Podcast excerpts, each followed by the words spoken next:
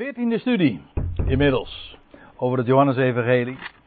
En wij gaan uh, ons nog één keer bezighouden met het vierde hoofdstuk van, uh, van dit evangelie. We hebben inmiddels al een aantal, aantal avonden aan hoofdstuk 4 gewijd. Lang hoofdstuk, dat zal trouwens uh, nog wel eens een keer vaker gelden voor de besprekingen. Want ook hoofdstuk 5 is weer zo'n heel lang hoofdstuk. 6 al uh, is het allerlangste, denk ik. Maar in ieder geval, er staat dus heel veel in. En dat uh, gold ook al voor hoofdstuk 4. Het gesprek met de Samaritaanse vrouw. Dat is dan toch in ieder geval het meest uh, opvallende van dat hoofdstuk. En laat ik nog eventjes kort terugblikken daarop, op wat we in dat hoofdstuk hebben gezien. Dat was een onderbreking in de geschiedenis, want daar komt het eigenlijk op neer. Zo wordt het ook neergezet. Jezus blijft daar twee dagen in Samaria. Waarbij Samaria een beeld is van de natieën, de niet-Joden. Zo wordt die vrouw ook eh, neergezet als iemand die niet-Joods is. En u begrijpt dat als dit zo verteld wordt door Johannes, terugblikkend op eh, de, op de geschiedenis van de Heer Jezus hier op aarde, dat hij ook linken legt met, met de waarheden die hij inmiddels had verstaan. En, en dat wat hij al ook geïllustreerd uh, heeft gezien, of ziet in, in het leven van de Heer Jezus. Dus twee dagen verblijft de Heer daar in Samaria. En waarbij Samaria een beeld is van de natieën. Maar ook, en dat is dan ook een hele bijzonder aspect waar we wat nader op ingegaan zijn, van de, wat dan genoemd wordt, de, de verloren tien stammen. Dat wil zeggen, een groot deel van de tien stammen, ja, die zijn uh, zoek geraakt. En die vrouw, die herinnert ook aan de tien stammen. Want van die tien stammen, die wordt in de profeten nog eens een keertje neergezet als een vrouw. Een bekend Bijbels beeld als een vrouw die ontrouw was en die op een gegeven ogenblik door haar heer, met wie ze getrouwd was, uh, weggezonden wordt met een scheidbrief. Ik zeg dat ook omdat Samaria, dat ben ik er nog eigenlijk uh, vergeten bij te vermelden, Samaria was namelijk ook het gebied en, uh, en de stad Samaria, zelfs de hoofdstad van het Tienstammenrijk. Dus dat is die, die associatie ook. Waarbij hier zelfs in Johannes 4 ook nog vermeld wordt dat de Heer daar aan die bron van Sigar gaat zitten. En dat was de bron van Jacob. En daar staat er nog bij. Hij kwam dan in een stad van Samaria, genaamd Sigar, dicht bij het veld dat Jacob aan zijn zoon Jozef gegeven had. Het eerstgeboorterecht, de eerstgeboortezegen. Daar heeft het mee te maken. Nou, koppel nou al die gegevens even bij elkaar. De Heer die verblijft nu niet onder zijn eigen volk, maar in het buitenland, onder de natieën. En daar precies het gebied waar de tien stammen ook terechtgekomen zijn. Waar die vrouw toch een prachtig beeld van is. Maar juist daar krijgt, uh, daar wordt de grootste en de hoogste en de belangrijkste zegen genoten. Namelijk de eerstgeboortezegen. De zegen die aan Jozef werd toebedeeld. Nou, het lijkt mij ook niet zo moeilijk om daar ook een beeld in te zien van de tegenwoordige tijd. Een onderbreking in de geschiedenis. Twee millennia, die twee dagen spreken daar ook van. Ik kom er straks misschien nog even op terug. Waarin de Heer zich bevindt onder de natieën. En daarmee dus ook de, ja, Israël en het verloren gegane Israël. Zij die vervreemd waren van het burgerschap Israëls. Uh, daar is de zegen, de hoogste zegen, terechtgekomen. Nou, dat zijn van die elementen, van die gedachten die we zo hebben overwogen. Onderwerp van gesprek dat is, uiteraard bij die bron, dat is de aanleiding, het levende water. Als beeld ook van de verheerlijkte Christus. Dat is in uh, Johannes Evangelie niet zo moeilijk. Want dat wordt zelfs heel uitdrukkelijk in Johannes 7 ook gezegd dat het levende water spreekt van hem die verheerlijkt is. Dat wil zeggen die nu verheerlijkt is. De opgewekte Christus de levende. Vandaar ook dat levende water. Uh, een ander element dat erg belangrijk is, misschien zelfs wel het hoofdonderwerp van het gesprek. Dit is de aanleiding, dat levende water. Maar vervolgens komt de vraag op over de aanbidding. En dan wijst de Heer erop wel dat de uren zou komen dat ook niet in Jeruzalem aanbeden zou worden. En hij zegt, die, de uren komt, ja, is nu. Dat wil zeggen, uh, het zou zelfs nog kunnen dat dat nog een, uh, een, een toelichting, een voetnoot van Johannes is. Uh, die dit later dan optekent. Ja, nu is die uren gekomen dat, dat de Heer niet meer aanbeden wordt in Jeruzalem, maar in geest en in waarheid. Dat is waar het vandaag om gaat. Kijk, toen, in de dagen dat de Heer Jezus op aarde rondwandelde, werd er nog aanbeden in Jeruzalem. Dat was de plaats. In de toekomst zal het wederom de plaats zijn waar de volkeren naartoe zullen trekken om de Heere hun God, de, de Heere, de God van Israël te aanbidden. Maar nu is er een uren, een onderbreking in de tijd waarin God aanbeden wordt, wat niets met geografische plaatsen of met gebruiken of met zichtbare rituelen te maken. Het, is, het gaat om geest en waarheid. En wat er dan vervolgens beschreven wordt in het laatste deel van die geschiedenis. De Heer vindt daar veel, eh, veel geloof. Ik uh, gebruik hier expres even het beeld van de, de oogst. er wordt, uh, want de Heer zegt ook van de velden zijn wit om te oogsten. En daarmee doelt hij ook dat wat daar gebeurde of zou gebeuren in, in Samaria. Veel geloof. En dan staat er ook bij, om het woord, staat er zelfs, als ik me niet vergis, twee keer bij, om het woord van de Heer. Er, er, vinden gedurende die dagen geen wonderen of tekenen plaats. Nee, het woord van de Heer wordt daar gehoord en geloofd. En hij vindt, dat vind ik ook geweldig, in die korte, dat, tijdens dat korte verblijf, die, dat verblijf tijdens die twee dagen, wordt hij erkend als de redder der wereld. Nou, dat zijn allemaal van die elementen die typisch thuis horen in deze onderbreking van de heilsgeschiedenis waar wij ons in bevinden. Dus Johannes 4 is een hoofdstuk dat wel degelijk, dat kan niet missen, spreekt van de tegenwoordige tijd. En daarom uh, alleen al uh, om die reden ook in beeld uh, een schitterend type van ja, de zegen die die nu ook naar de natieën gaat en die wij ook mogen genieten. Nou, dat zijn van die uh, zaken die we hebben besproken gedurende een, wat is het, drie, vier avonden of zo, ik weet het niet hoe lang we er in totaal over gedaan hebben. Maar het wordt tijd om nu verder te gaan. We hebben de vorige keer al even een korte aanzet uh, ondernomen door naar vers 43. Ja, vers 43 en tot en met 45 hebben we inderdaad ook al besproken. Dat de Heer vanuit Samaria dan richting Galilea gaat. En nou haak ik dan aan bij vers 46, want daar hebben we, geloof ik, verder nog niets over gezegd. Hij kwam dan weder, dat is mooi hè, hij kwam weder, dat wil zeggen na zijn tweedaagse verblijf in Samaria kwam hij weder. Ik vind het mooi. Ik uh, denk dan meteen aan van ja, dat is precies wat er gebeurt na de twee dagen in Samaria. Dan komt hij weer. Zijn wederkomst. Ja, en waar komt hij dan weer? Nou, staat er te Cana in Galilea, waar hij het water tot wijn gemaakt had. Nou, hoe duidelijk wil je het hebben?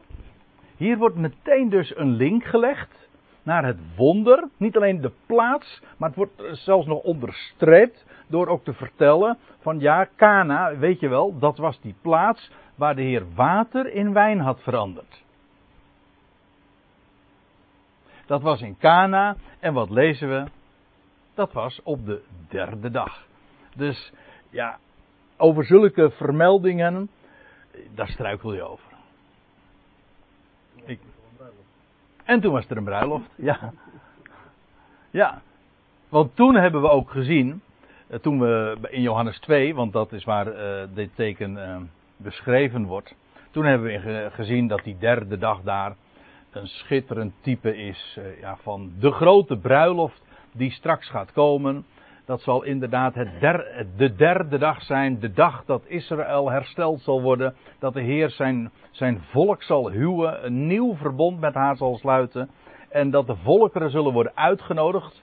Ja, dat zijn de bruiloftsgasten. De bruidegom is de Heer.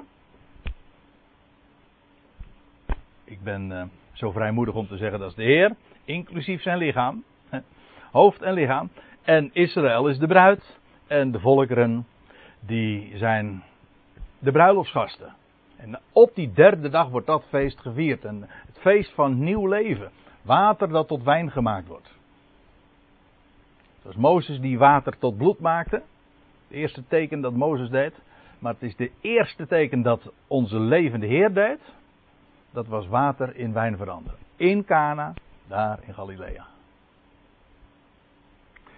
Ja, dat was een bruiloft. Trouwens, ik moet erbij zeggen, dat was inderdaad op, een op de derde dag. Het eerste wat er van die geschiedenis vermeld wordt. En op de derde dag, maar wat we toen ook hebben gezien, en hou hem even vast, want we komen er vanavond denk ik nog uh, vaker over te spreken. Dat was, die derde dag was ook een zevende dag. Ja. Want als je de, die telling van dagen leest in Johannes 1, iedere keer lees je dan de volgende dag, de volgende dag, de volgende dag. Nou, als je dat dan telt, dan kom je, uh, dan blijkt die derde dag ook een zevende dag te zijn. Dat wil zeggen, het was de derde dag na de laatste vermelding. Maar.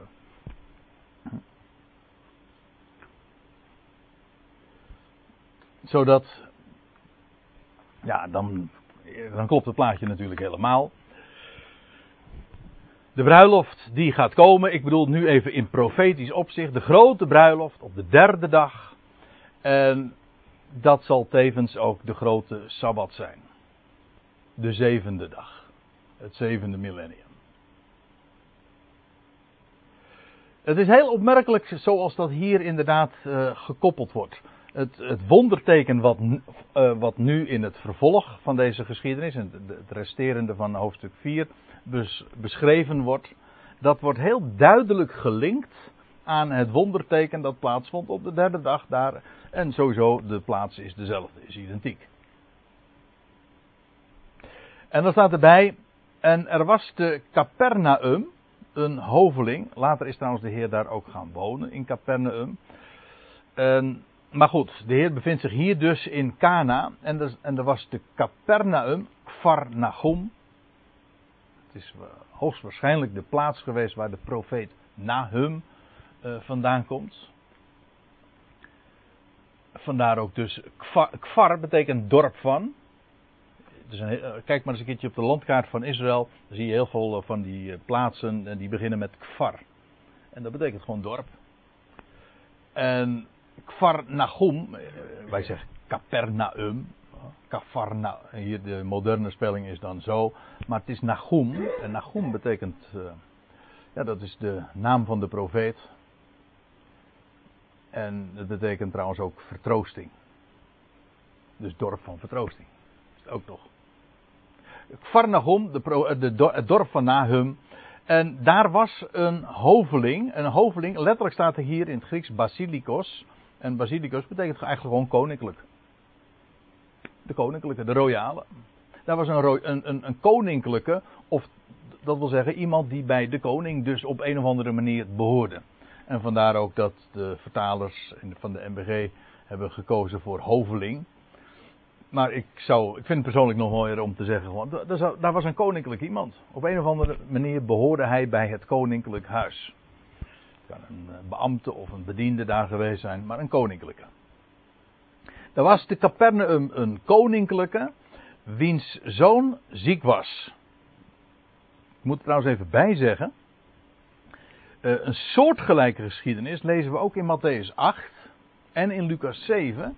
Maar kijk maar eens na, dan gaat het echt over een andere geschiedenis. Er zijn uh, opmerkelijke parallellen. Want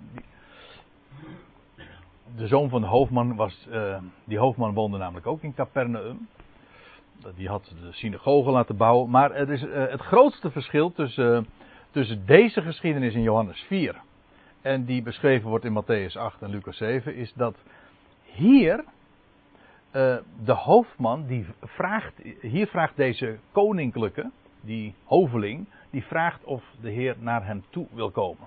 Terwijl die hoofdman in Capernaum, in deze beide geschiedenissen, Matthäus 8 en Lucas 7, uitdrukkelijk dat juist niet wil. Hij zegt van, kom nou niet onder mijn dak, dat hoeft helemaal niet. Dus uh, dat, is een, dat is een heel groot verschil. Dus we praten over twee geschiedenissen die veel van elkaar weg hebben, maar absoluut niet identiek zijn. Maar goed, deze koninklijke man in Capernaum, die had een zoon die ziek was. En dat was, hij lag er zeer ernstig aan toe. Dat lezen we dan in het vervolg. Toen deze hoorde, die koninklijke man dus, toen deze hoorde dat Jezus uit Judea naar Galilea was gekomen, dus via Samaria, dat, dat, dat weten we inmiddels. Hij was dus ook eerst in Judea geweest, in Jeruzalem. Hij had kennelijk al van hem vernomen ook dat, nou ja, kennelijk, uh, dat staat er nog vrij expliciet. Toen deze hoorde dat Jezus uit Judea naar Galilea gekomen was, ging hij tot hem. Dat wil zeggen, hij, Jezus bevond zich in Cana, deze man in Capernaum, Varnagum. En dat is een afstand van 26 kilometer. Ik heb hier een kaartje voor u even om een, een beetje een beeld te krijgen. Hier heb je het meer van Galilea. En hier de Middellandse Zee. En dan heb je hier Kana. U ziet, als je een paar kilometer nog zuidwaarts gaat, dan kom je in Nazareth. Dus de plaats waar de Heer Jezus groot, worden, uh, groot werd, dat was, uh, lag heel dicht bij Kana. En Capernaum, Capernaum, dat ligt hier dus, aan, het noorden, aan de noordkant van het meer van Galilea. Hier dan Tiberias, nou ja, al die plaatsnamen. Bethsaida, Horazin, je vindt al die namen, Genezaret. Wist u trouwens dat Genezaret, dat, dat uh, is de naam die nog het dichtst bij komt bij de Hebreeuwse naam. Ook de, de, de moderne Hebreeuwse naam uh, is Kinneret. Het meer van Kinneret. Ja, dat is een harp. Maar uh, je herkent dat nog in het woord Genezaret is, dat, is, uh, dat is dan weer een afleiding van een verhaspeling. Of uh, zo, je kunt ook zeggen een verhaspeling. Nou moet ik het zelf goed zeggen. het is verhaspeld tot Genezaret. Maar het is Kinneret. Maar het heeft, dat is inderdaad een, het woord voor harp. Gewoon dus volstrekt hetzelfde. En dat heeft uiteraard te maken met de vorm van het meer daar zit, daar zit meer aan vast dan ik nu even zeg. Want ik geloof dat er heel uh, mooie typologische verbanden zijn tussen een harp en dat wat hier aan dit meer plaatsvond. Maar dat is nu even niet het onderwerp. Het ging maar nu even. Deze man kwam dus hier vandaan. Moet u zich trouwens hier voorstellen. Dit was uh, allemaal heuvellandschap. Veel hoger gelegen. En dit was met recht, als je richting uh, Capernaum ging, dan was dat een flinke afdaling. Want het meer van Galilea, dat wist u dat dat een van de diepst gelegen uh, gebieden is van de hele wereld. Aanzien, Nederland heet Nederland omdat het zo laag ligt. Hè, een groot, uh, groot deel ligt een klein beetje onder de zeespiegel. Maar geen land dat zo laag ligt als bepaalde delen van, van Israël het bekendste is de Dode Zee. Dat ligt 300 meter beneden de zeespiegel. Dat is het diepste punt van de hele aarde. Maar het één na diepste punt, dat is het meer van Galilea. En Capernaum ligt, twee, uh, dit meer ligt 200 meter beneden de zeespiegel. Vandaar ook trouwens dat je leest. Nou, we zullen dat straks uh, lezen over een afdaling. Dus daar worden hele specifieke woorden ook gebruikt die dat ook onderstrepen. Dat Kijk, uh, in Nederland uh, is het zo dat als je zegt van nou je gaat van A naar B, je gaat van Rijnsburg naar Bodegraven, dat is gewoon een horizontale lijn. Maar het maakt een heel groot verschil dat als je, als je hier bent, hè, of, je, of je de bergen ingaat, een heel eind moet gaan stijgen of een eind uh, moet gaan dalen. Dat maakt voor je, dat is voor de reisinformatie nogal belangrijk gegeven, nietwaar? Maar goed, hij ging tot hem. Dat was dus, hij was hij was opgeklommen. En hij verzocht hem te komen. Oh, wacht even, nou heb je hem hier toch al. Hij verzocht hem, eh, er staat er in onze vertaling, hij verzocht hem te komen, maar u ziet, uh, in het Grieks staat hier een woord dat betekent afdalen. Onmiskenbaar.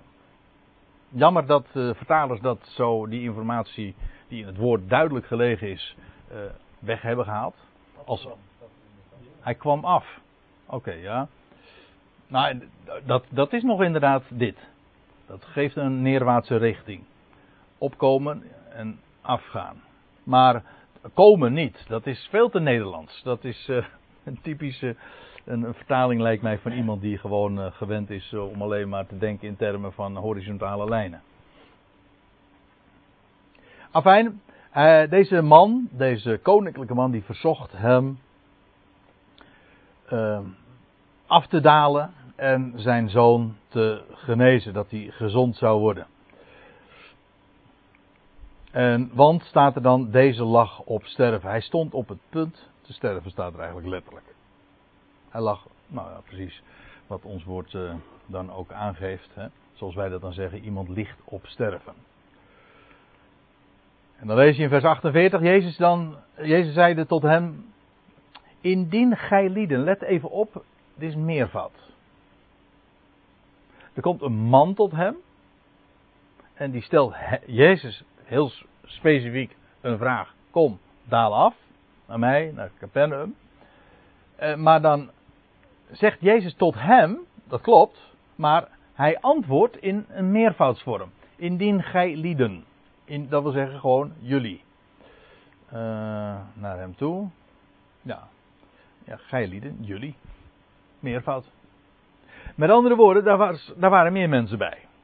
En over, hij, terwijl hij tot hem spreekt, is hij, eh, heeft hij een veel grotere groep op het oog. Hij richt zich namelijk gewoon meer tot de Galileërs in het algemeen. Die niet uh, van hem wilden weten.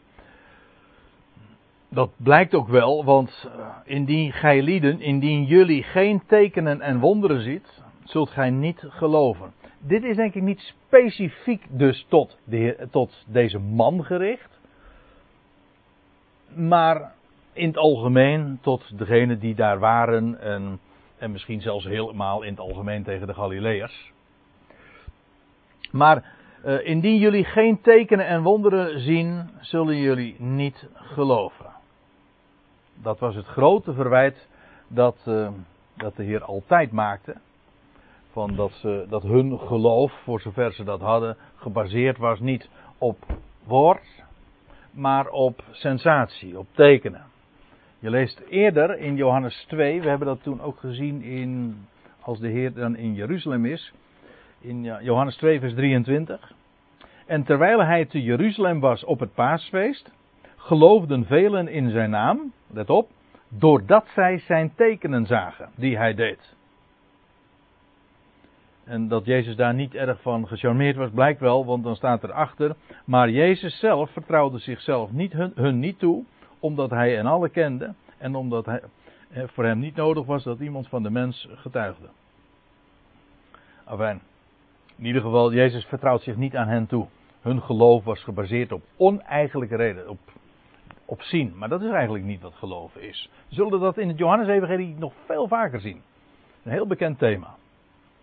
Later, als de geschiedenis van Thomas uh, verhaald wordt, alleen door Johannes, dan komt dat opnieuw weer uit de verf. Thomas geloofde ook omdat hij zag. En dan zegt de Heer Jezus: zalig, gelukkig degene die niet zien, maar wel geloven. Nou, dat slaat op eigenlijk weer op de tijd waarin wij nu leven, in deze twee dagen, als ik het zo mag zeggen. Niet zien, wel geloven. Het woord, het woord moet het doen.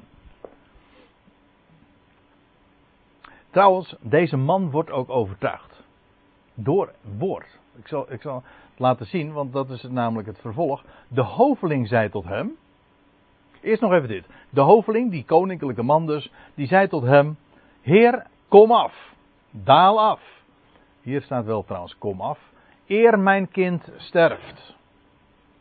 Het is de tweede keer dat er over dat stervende kind gesproken wordt. Dus uh, er was haast bijgeboden. Maar nu vraagt die man dus heel uitdrukkelijk: daal af met mij. Een grote verschil dus, zoals ik al even eerder aangaf, met die andere hoofdman in Capernaum. En jij zei tot, Jezus zei tot hem: gaan we weer terug. had hij net 26 kilometer eh, afgelegd. Ga heen, uw zoon leeft. Moet je voorstellen.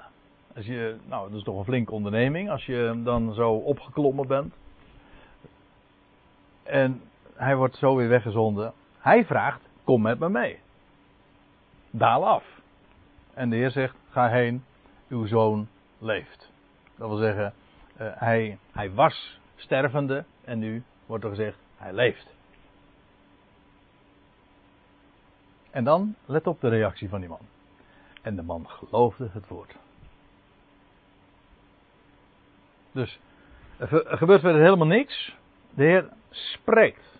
En hij moest het, wat hij eigenlijk, hij wordt er gewoon weer weggestuurd. En uh, aan het woord, uh, met het woord moest hij het inderdaad maar doen. Maar dat is dan ook wel meer dan genoeg, want hij ging uh, vanwege zijn zoon die stervende was. En nu verzekert de Heer, de hem, je zoon leeft. En hij gelooft het woord. Nou, dan kun je, weer, dan gewoon weer teruggaan. Dat is toch prachtig? Wat je van deze man leest. De man geloofde het woord dat Jezus tot hem sprak. En hij ging heen. Ja, wat... Uh, dan een tegenstelling die er gemaakt wordt met uh, 48. Ten opzichte van, want die hoveling, die koninklijke, was denk ik uit de heidenen. Terwijl hij in met 47 of 48 de Galileërs in het algemeen, dus de Joden. Uh, wacht even. Oh, in. Uh, wacht even. Tenzij zij die de tekenen en wonderen ziet, zo zult zij niet geloven. En die hoveling gelooft op het woord. Ja, die geloofde hem wel. Hij, die was, ja, of jij, jij zegt van hij was een uh, eentje uit de heidenen. Uh, ja, dat kun je wel zeggen, maar het staat. Hè? Een koninklijke, ja, wie was daar toen? Ja, nou ja, je, feitelijk helemaal niemand. Want, maar uh, Herodes was eigenlijk gewoon natuurlijk. Uh, je had Herodes, uh, hoe heet hij? De, die de viervorst. En die werd genoemd koning Herodes. Strikt genomen was hij helemaal geen koning. Hij was gewoon gezetteld, ja, door ja, welke functie dan ook, door de Romeinse keizer. Dus strikt genomen geen koning. Hij werd zo genoemd. Maar goed, kennelijk was hij verbonden aan dat huis van, van Herodes. En of het een Jood was, uh, ja, dat weet ik niet. Dat, het wordt niet vermeld, dus ik denk niet dat, we, dat, je, dat je dat in de uitleg of zo erbij moet gaan betrekken. Dat hij uit de natie kwam of zo. Uh, ik houd er daarom op dat, het gewoon, uh, dat, hij, dat hij een gunstige uitzondering was op de rest. Jullie lieden, in het algemeen, die willen alleen maar tekenen en wonderen zien. Maar deze man, hij geloofde het woord. En hij ging weer heen. Met het woord. En ik ben ervan overtuigd dat als. En dat is nou het hele. Hij had nog niks gezien, maar hij geloofde het woord. En hoe denkt u dat die man terug is gegaan? Ik denk blij. Ja, als je het woord gelooft. Kijk, als je niet gelooft, ja, dan, eh, dan zul je de vreugde daar ook niet van ondervinden. Maar die man ging weer terug. Met het woord dat hij gelooft. En dus had hij, had hij nu vreugde. En ik denk dat die huppelend zo afgedaald is naar Capernaum. Dat kan niet anders. Dat is wat geloof toch is. Dat is de kracht van het geloven in het woord. Dat maakt het, het woord, dat moet het doen en het woord maakt het grote verschil. Het gaat er maar om hoe betrouwbaar is het woord dat je gelooft. Nou, die man is erachter gekomen. Want dan lees je. Ja, het, eigenlijk zie je ook een ontwikkeling in zijn geloof. Dus in, in, in twee, als een tweetraps raket, zeg maar. Eerst uh, vraagt hij nog: moest Jezus afdalen? En was dat nog erg gebaseerd op, van, op dat zien. Maar Jezus, ja, die corrigeert over zijn hoofd eigenlijk de, zijn toehoorders. En hij wordt aangesproken. Hij gelooft. En nu is Jezus woord genoeg, voldoende. Ik lees even verder in vers 51. En reeds terwijl hij afdaalde, dus uh, ja, afdalende, uh, kwamen zijn slaven hem tegemoet. Dat is dus een man, uh, inderdaad, toch ook wel geweest, een koninklijke, iemand die van statuur, die, die zelf slaven had. En zij kwamen hem tegemoet en ze zeiden dat zijn kind leefde. tweede keer dat het nou gesproken wordt. Uw zoon leeft. Hier uh, wordt hem verteld dat zijn kind leefde. En let op, het verhaal gaat verder. Hij vroeg hun naar het uur waarop de beterschap was ingetreden. Hij, hij, hij, vroeg, hij probeerde vast te stellen wanneer dat was. Want die man, die, eh, die, die, ja, die, hij geloofde het woord. Ja, wanneer zou dat nou gebeurd zijn? En dan lees je, en ze zei tot hem, gisteren, dus inmiddels was het al een dag later. Uh, gisteren op het zevende uur werd hij vrij van koorts. En u zegt, je hebt er een klokje naar bij gemaakt, maar dat staat er verkeerd. Uh, dat is niet waar. Uh, dit, want dit is het zevende uur. U moet namelijk zich realiseren, het Joodse jaar, de Joodse tijdrekening, uurrekening, die gaat uit van zonsopgang. Zeg maar zes uur s morgens komt de zon op. Dus dan, dat is het eerste uur. Dat betekent dus het zesde uur is ons 12 uur middag. En het zevende uur is dus ongeveer 1 uur in de middag. Maar daar moet je niet te veel op, op letten. Het, het, gaat natuurlijk helemaal niet, begrijp me goed. Het gaat natuurlijk niet om op, op welk tijdstip dat was. Maar let even op, het was het zevende uur. Zoals de vermelding van twee dagen of de derde dag heel markant is, zoveelzeggend. En we zullen dat trouwens het volgende hoofdstuk ook weer zien. Er gebeurt er een wonder op de Sabbat. De zevende dag. Nou, hier, dit wonder vond plaats op het zevende uur. Kijk, voor die man was het natuurlijk inmiddels volstrekt duidelijk. Uh, ja. Zijn jongen, zijn zoon, was vrij van koorts geworden. Uh, rond op dit tijdstip. Nou, dat was precies het tijdstip. Wacht even, ik moet het even doorlezen. De vader dan, dat lees ik er nog even bij. De vader dan bemerkte dat dat uur was waarop Jezus tot hem gezegd had: Uw zoon leeft. Dat was het tijdstip. Waarmee voor, voor die man het gewoon vaststond. Maar die vermelding van het hoeveelste uur het was. Natuurlijk kun je het gewoon ik heb het in de studiebijbel vanmiddag nog even nagekeken. En die wijzen er gewoon op, ja, weet je wel, als een loutere, uh, hoe zeg je dat? Journalistieke mededeling. Oh, hoe laat was het? Nou, het was 7 uur. Het zevende uur. Ja, maar uh, ik ga ervan uit dat zulke getallen natuurlijk niet voor niks uh, vermeld worden. Het was het zevende uur, aha dat als er wondertekenen plaatsvinden en dat, heeft iets, en dat vindt plaats op een tijdstip dat gelinkt wordt aan de zeven, ja, dan kan dat niet missen. Nog even dit. Ja, het was zeven uur. Zeven is namelijk het getal van de volheid en de voltooiing. Daar wil ik trouwens nog één dingetje even bij zeggen. Want wij denken misschien dat het getal 7 die symbolische betekenis heeft. Dat klopt wel. Ook even kijken of ik het zo snel kan vinden. Ja. Het uh, woord voor 7 in het uh, Hebreeuws, Shewa, dat heeft namelijk niet alleen de betekenis van een getal, maar het is ook een woord en ik zit even te kijken op Psalm 16, vers 11. Moment hoor. Ik er ooit een aantekening van bij gemaakt in mijn Bijbel. Ja, er staat in Psalm 16, vers 11: Gij maakt het pad des levens bekend. Volheid van vreugde is bij uw aangezicht. En dan staat er het woordje volheid. MBG zegt dan weer overvloed, maar er staat letterlijk volheid. Maar dat woord volheid, dat is Shewa. Dus 7, dat is in, als je dit met Hebreeuwse oren luistert, dan zeg je bij, als je 7 zegt, een nummer, een cijfer, maar je zegt ook het woord volheid. Dus die twee uh, begrippen zijn aan elkaar gekoppeld. Ik gaf uh, gisteravond in Den Haag Nederlandse les.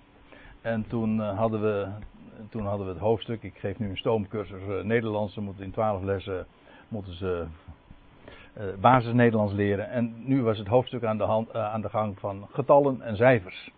En toen kwam het getal 4 ter sprake. En En toen ging het even later over vieren. Hè? In de zin van iets to celebrate. In het Engels zeggen ze dus. Hè? Vieren.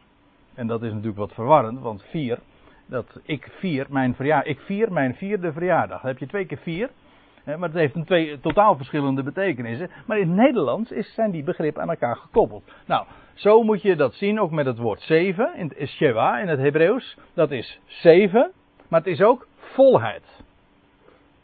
Voor degene die het bewijs eventjes uh, zwart op wit willen hebben. Psalm 16 vers 11. En er zijn veel meer plaatsen, maar Psalm 16 vers 11. Daar wordt het woord volheid gebruikt. En dat staat het woord, hetzelfde woord als voor zeven. En daarmee dus ook het getal van voltooiing. En natuurlijk, dat begrijpt u, het getal van de Shabbat. En nog wel wat meer ook. Maar daar verwijst zeven naar. Als er een wonder plaats moet vinden. Als deze man uh, tot volheid komt, deze zoon leven vindt. De dood voorbij. Ja, hoe mooi is het dan dat dat op het zevende uur plaatsvindt.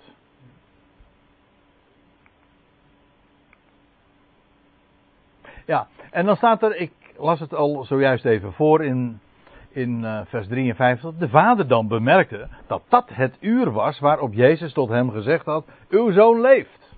En dat vind ik mooi. Dat is nou de derde keer in die paar versen dat.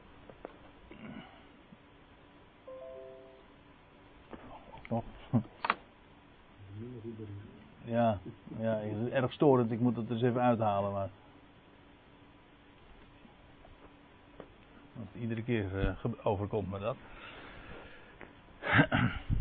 Dit is nu de derde keer dat vermeld wordt in die paar versen uh, dat de zoon leeft. Dat is trouwens ook vrij dubbelzinnig als ik zeg de zoon leeft natuurlijk. Maar zijn zoon leeft.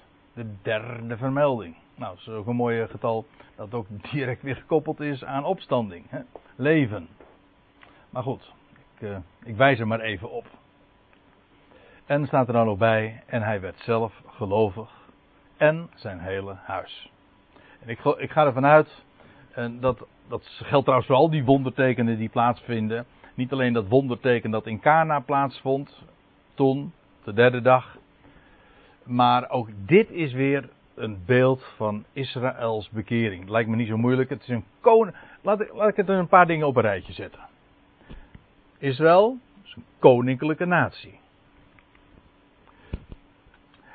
Deze man had vernomen wat Jezus eerder deed in Jeruzalem. Dat wil zeggen voor die twee dagen, om zo te zeggen. Heb u hem? Wat Jezus ooit heeft gedaan in Jeruzalem. Toen hij leed en stierf, wonder deed bij tijdens Pascha. Ook nog eens. Nou, dan komt deze man in wanhoop bij de Heer. Dat mag je toch wel zeggen. Zijn zoon ligt op sterven. Hij komt in wanhoop bij de Heer. Precies wat er met Israël ook zal gebeuren. Bij Israëls bekering, als het hun bang te moede is, staat er, staat er in, in Hosea 5, als het hun bang te moede is, dan zullen ze bij hem komen. En dan zullen ze ook zijn woord erkennen. Zoals deze man ook dat doet. En zijn woord is dan ook genoeg. En dan zullen ze tot erkenning komen. Dus mooi trouwens, ik wees zojuist eventjes op de naam van en op die geschiedenis van Thomas van Thomas lees je ook dat hij de Heer dan ziet. En, maar Thomas had eerst gezegd van als ik mijn handen niet steek in, in, de, in, zijn, in zijn handen en, in mijn, uh, en ook niet in zijn zijde dat met mijn eigen ogen zie, zal ik geen zins geloven. En op het moment dat de Heer voor hem verschijnt, dan valt hij zo voor zijn knieën neer. Op zijn knieën voor de Heer neer. Hoeft hij niet, er staat niet eens meer dat hij eerst met zijn handen dat wil tasten. Dan is hij ook in één keer helemaal om. Afijn, die koninklijke natie die in wanhoop bij de Heer komt, die, die koninklijke man die in wanhoop bij de Heer komt, erkent zijn woord en dan, op dat moment, dood maakt plaats voor leven en het is het zevende uur. Nou ja, eh, zo, die kenmerken zo op een rijtje zettend, is het niet zo moeilijk om de link te leggen met wat er straks ook met Israël zal gebeuren. Als dood plaats maakt voor leven, daar in het zevende. Niet alleen dood maakt plaats voor leven, maar wanhoop maakt plaats voor werkelijke hoop. En deze man wordt gelovig met zijn hele huis. Zoals straks ook het hele huis van Jacob. Het hele huis van Jacob geloven zal. Tot erkenning zal komen. En staat er dan in vers 54. is het laatste vers van dit hoofdstuk. En dit deed Jezus weder als tweede teken toen hij uit Judea naar Galilea gekomen was. Ik moet er trouwens bij zeggen, als hier staat het tweede teken, uh, dan is dit niet zijn tweede teken aan zich, maar zijn tweede teken in Galilea. Want we lezen, ik, ik heb het zojuist voorgelezen trouwens, hoofdstuk 2, vers 23, dat Jezus in, in Jeruzalem namelijk vele wonderen en tekenen had gedaan. Dus dit was niet zijn tweede teken, maar het was zijn tweede teken toen hij uit Judea naar Galilea gekomen was. Dat moet dan de betekenis zijn. En ook hier trouwens weer, let op, ook hier verbindt Johannes in zijn beschrijving dit wonderteken met het teken van de bruiloft te Cana. Het is het tweede teken. Wat was het eerste teken? Het, was, eerste teken was uh, de bruiloft te Cana. En, wordt, en hier vindt er weer een wonder plaats in Cana. Als tweede teken. Die, die worden gewoon aan elkaar gekoppeld. Zo, zodat je dus ziet dat wat daar plaatsvond in Cana op die derde dag, die bruiloft, water in wijn veranderd, dat heeft in wezen dezelfde betekenis, dezelfde uh, verwijzingen in zich als bij dit teken. Namelijk waarbij een koninklijke man, wiens zoon ziek was, dodelijk ziek, leven ontvangt en daar in het uh, zevende uur uh, geneest. Het, is, het heeft dezelfde gedachte in zich. Ja, en dan komen we aan in hoofdstuk 5.